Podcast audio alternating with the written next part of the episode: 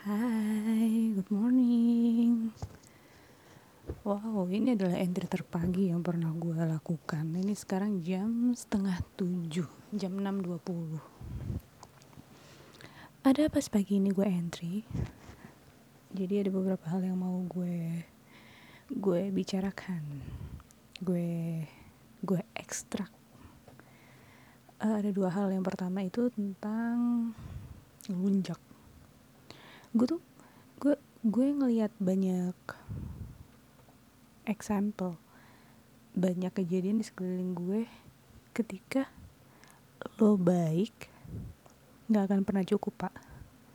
Jadi orang akan selalu expect lebih.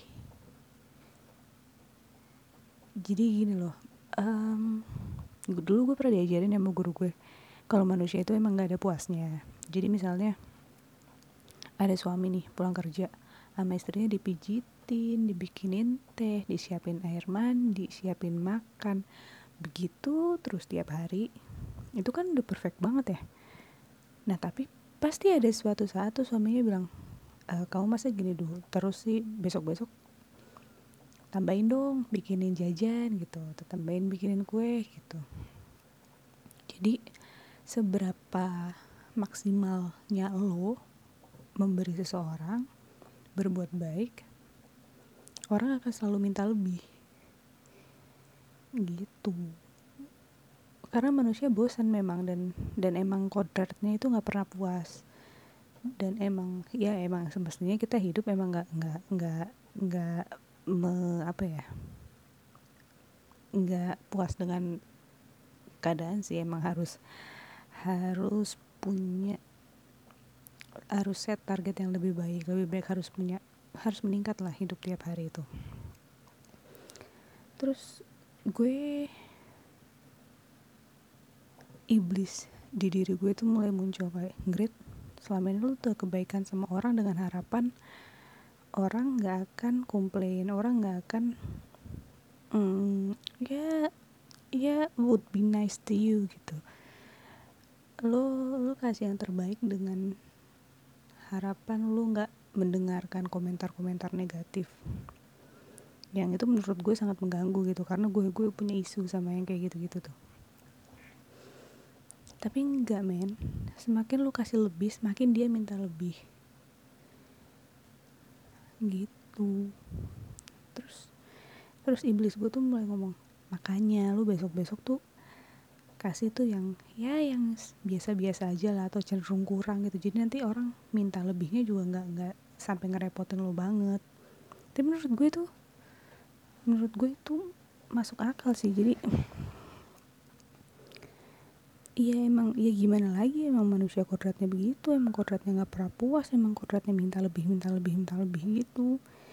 Jadi menurut gue itu bukan iblis itu bukan sesuatu yang curang itu bukan bukan apa ya akal-akalan ya memang begitu. Karena kita hidup enggak untuk orang lain doang men.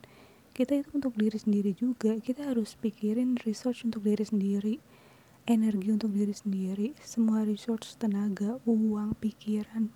Kita harus spare untuk diri sendiri. Lu nggak bisa kasih diri lu sepenuhnya untuk ngurusin orang lain. Karena ya karena yang gue bilang sebelumnya di di masa di apa ya di entry love self respect kali ya.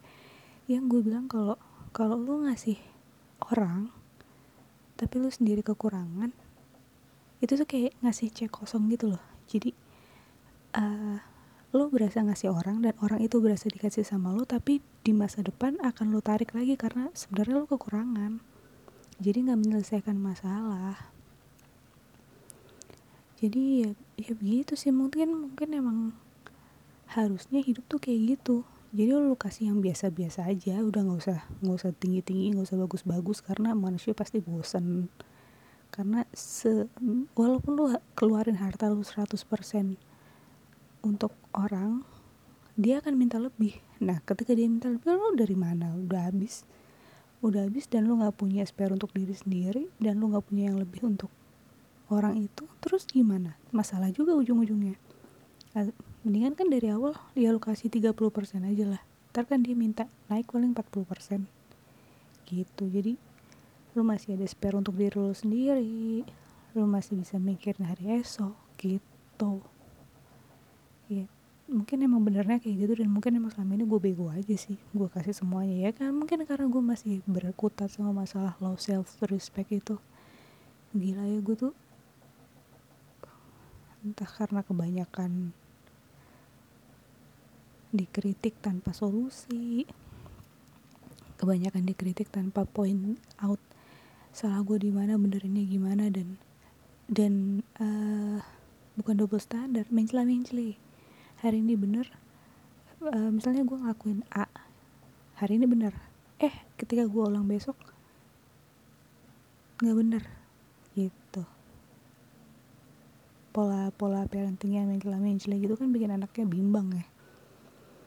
Gitu jadi gue biasa kasih yaudah gue kasih lebih lah gue kasih lebih dengan harapan iya kali ini gue bener gitu. Soalnya gue udah males banget di komentarin negatif. Gue bukan orang yang anti kritik ya. Semua orang suka kritik semua orang suka dikasih saran. Itu gue yakin semua orang tuh pada dasarnya suka. Tapi saran yang benar dan dengan penyampaian yang benar karena semua orang pada dasarnya pengen maju. Nggak mungkin ada orang yang pengen mundur atau stuck. Semua orang pengen maju.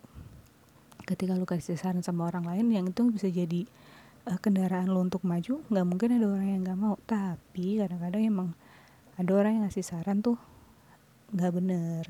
Bisa niatnya nggak bener bisa caranya nggak bener bisa sarannya sendiri nggak bener. Gitu. Jadi gue sebenarnya gue gue terbuka banget sama kritik-kritik yang membangun dan disampaikan sama orang yang kredibel orang yang gue anggap temen bukan gue anggap lawan gitu. Sebenarnya teman sama lawan tuh enggak bukan enggak enggak sehitam putih itu kadang-kadang abu-abu.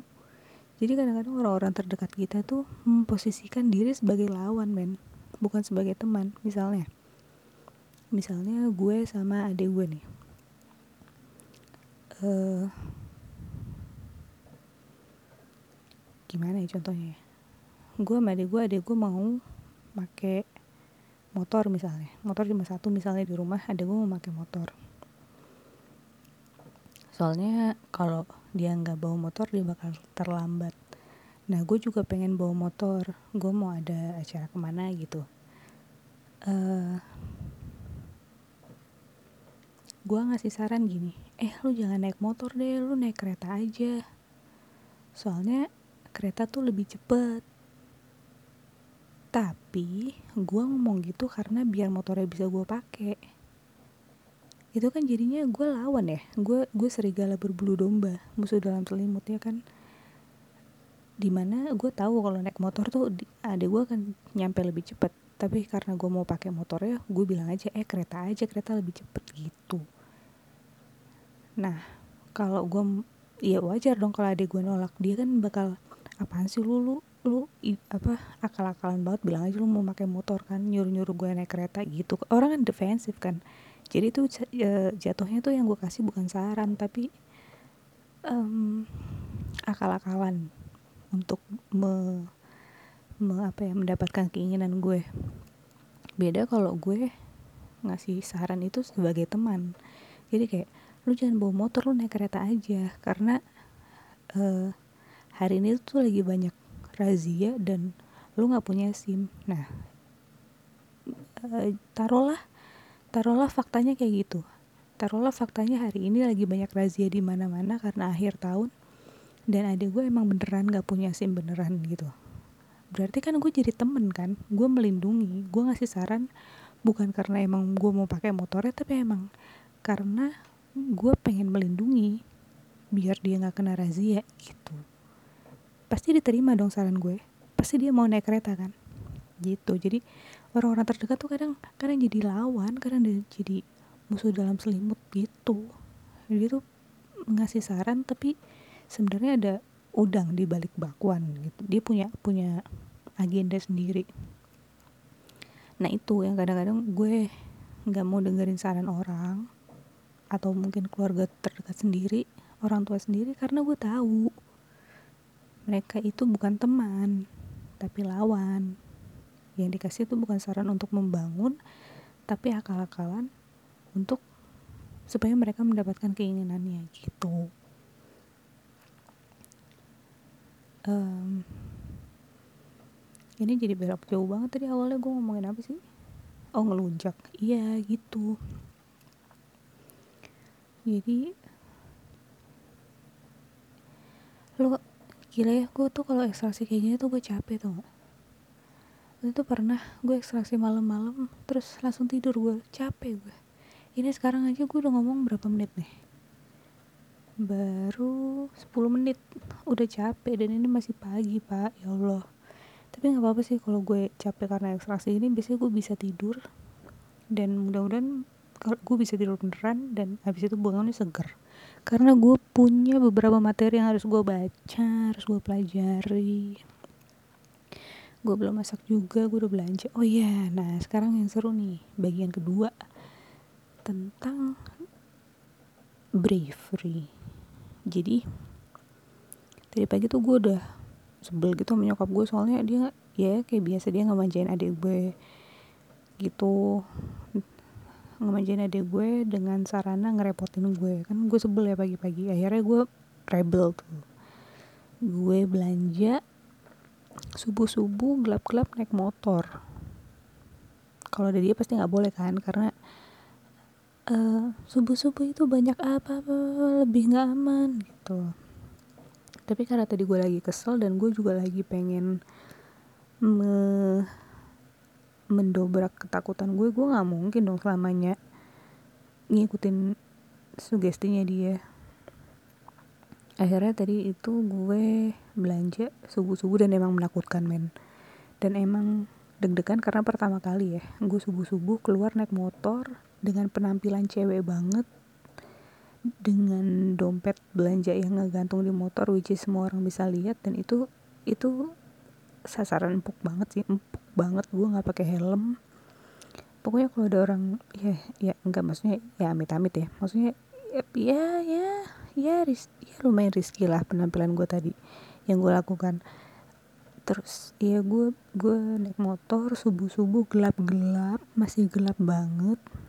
Gue ke tukang sayur langganan gue dan lumayan deg-degan tapi gue nikmati karena gue punya pikiran rasa takut ini harus gue lawan gue nggak bisa selamanya uh, uh, ngikutin ketakutan gue.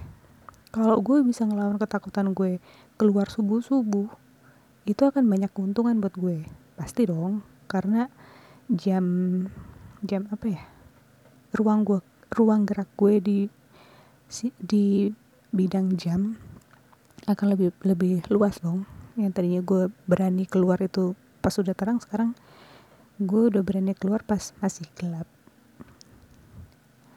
Jadi emang gue gue pengen ngelawan ketakutan itu juga sih. Gue gue pengen membuktikan kalau oh keluar subuh subuh tuh begini. Rasanya begini apa yang gue harus lakukan dan gimana supaya gue bisa aman dan gue tetap bisa keluar subuh subuh gitu. Jadi gue dari dulu tuh ya ditakut-takutin tau gak jadi nyokap gue tuh cara untuk me mengontrol gue adalah dengan ditakut-takuti. Karena mungkin emang dari dulu gue rebel ya. Karena iya wajar dong anak anak kecil atau anak remaja pengen explore dunia wajar dong. Kayak dia baru tahu dunia itu apa dia baru tahu di sini tuh ada apa ternyata dunia luas ternyata di sini ada ini itu pengen explore. Ya wajar dong tapi nyokap gue takut gue tidak terkendali. Makanya dibentengi dengan uh, ditakut-takuti. Dan akhirnya gue takut beneran dong.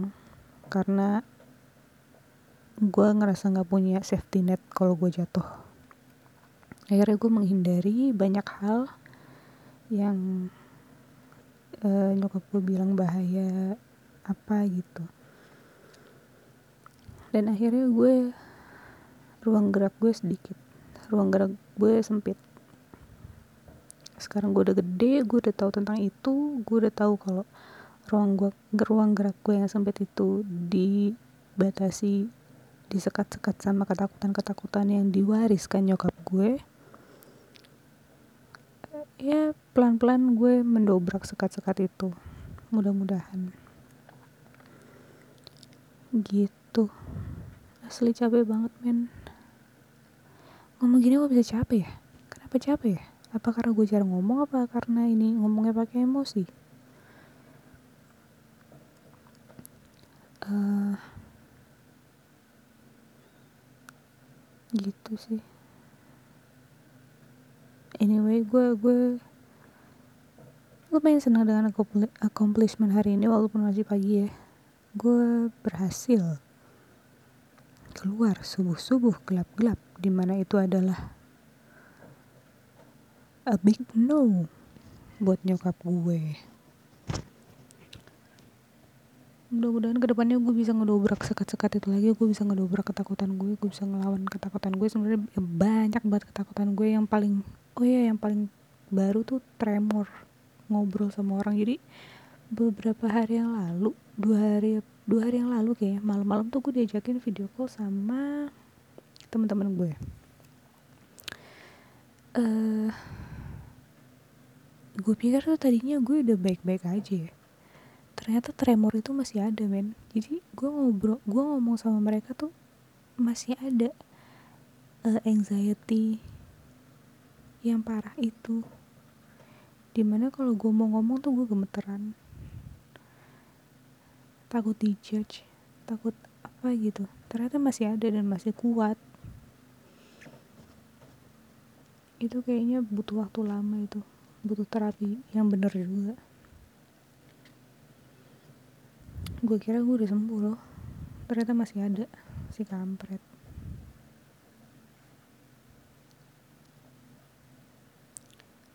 Dan gue yakin banget ini itu nggak mungkin nggak ada hubungannya sama bokap nyokap. Kampret kan emang. Gue kalau di sini terus kapan gue sembuhnya pak? Anyway kayaknya segitu dulu deh. Soalnya udah mulai berkegiatan di luar. Gue males banget kalau ada yang nguping. Segitu dulu entry hari ini. Thank you. Thank you. Sudah mendengarkan. Siapa juga yang dengerin? Um yaudah see you in the next entry. Bye bye